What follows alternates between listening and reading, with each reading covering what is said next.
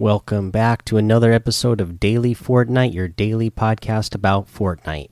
I'm your host, Mikey, aka Mike Daddy, aka Magnificent Mikey.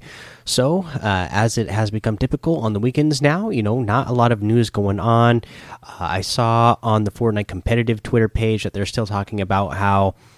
Uh, all the way back from week three FNCS. They're still uh, figuring out scoring issues from that, so hopefully they get that sorted out soon.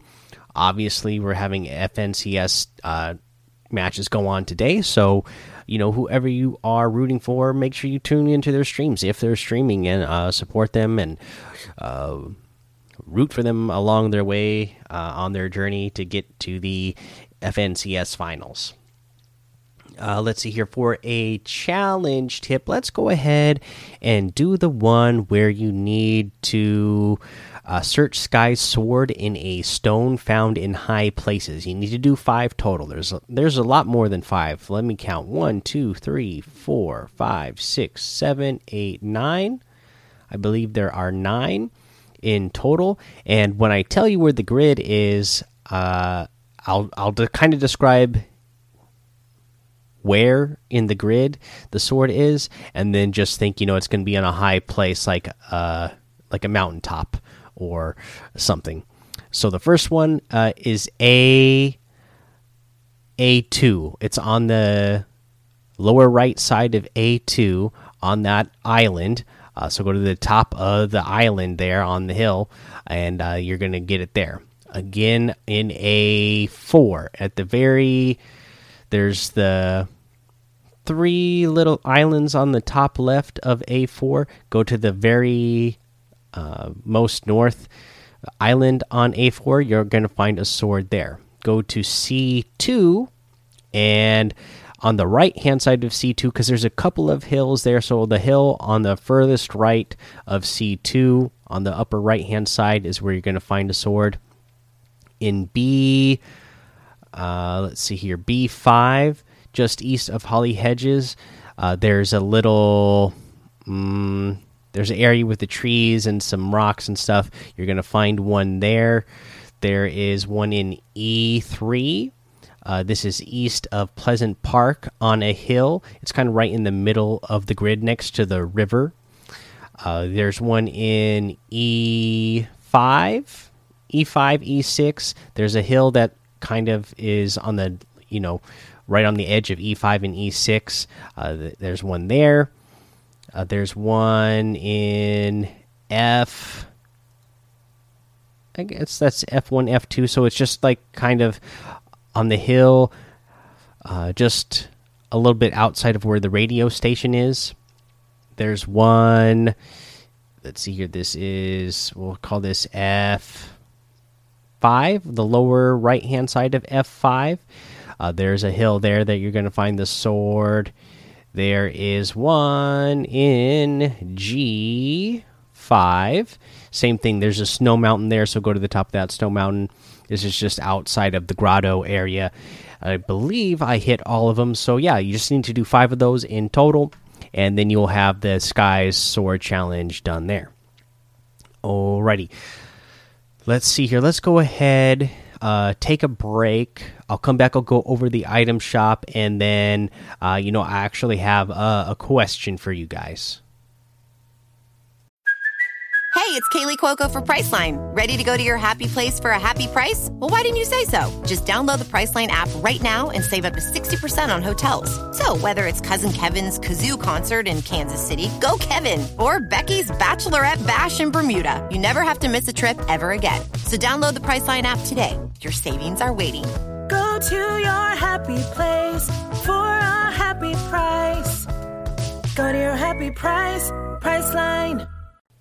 All right, so in the item shop today, we have a lot of Easter themed things. First up, we have the new outfit, the Quackling outfit, 800 V 800 V bucks. Quack in action has four different styles of the default, which is a yellow duck, blue duck, a green duck, and a red duck.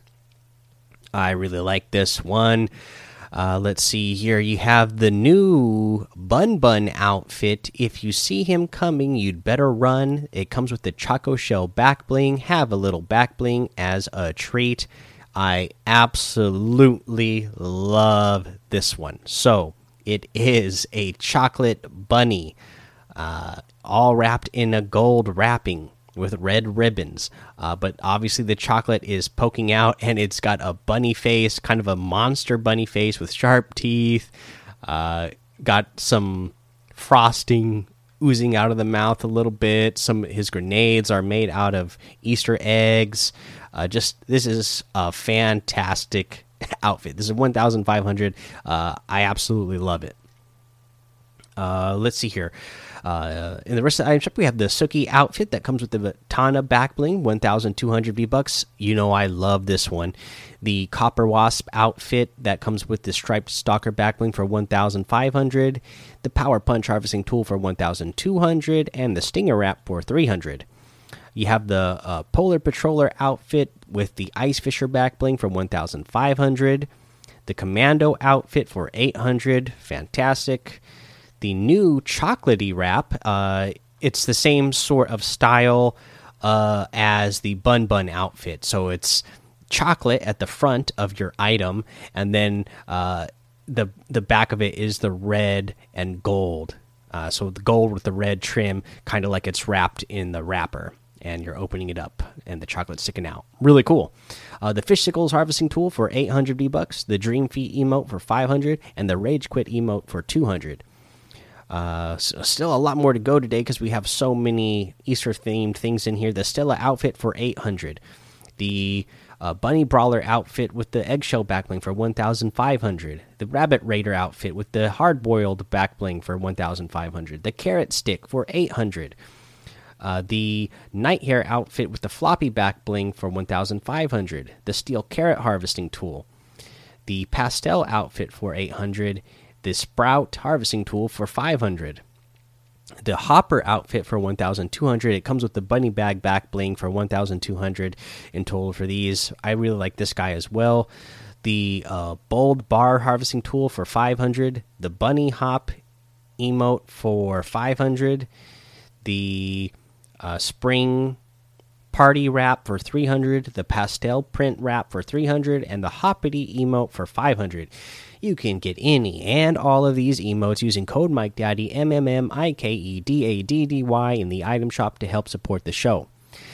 Now, I don't have a tip of the day for you, so I just kind of wanted to open up for some discussion and question uh, about uh, what's going on with those uh, hatches around the agency, right? Because you know somebody asked me that in the in the uh, in the reviews. They asked that question to me, so I'm curious what you guys think. I, would love to hear what you guys are uh, thinking about what's going to happen with those hatches around uh, the agency.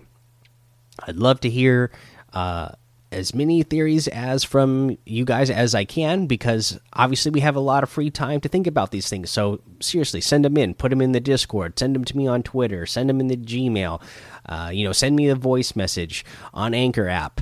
Uh, you know, send them to me. Uh, you know, I'll pick out a few of my favorites and I'll read them here on the show and shout you out. I'd, I'd love to know what you guys think of what's coming in the future because, uh, you know, we're getting towards the end of this season here. So an event should be coming uh, soon. And I'd love to hear what you guys think is going to happen. All right, guys, that is the end of the show. Go join the daily Fortnite Discord. Uh, follow me over on Twitch, Twitter, and YouTube. Mike Daddy on all of those. Head over to Apple Podcasts, leave a five star rating and a written review for a shout out on the show. Make sure you subscribe so you don't miss an episode. And until next time, have fun, be safe, and don't get lost in the storm.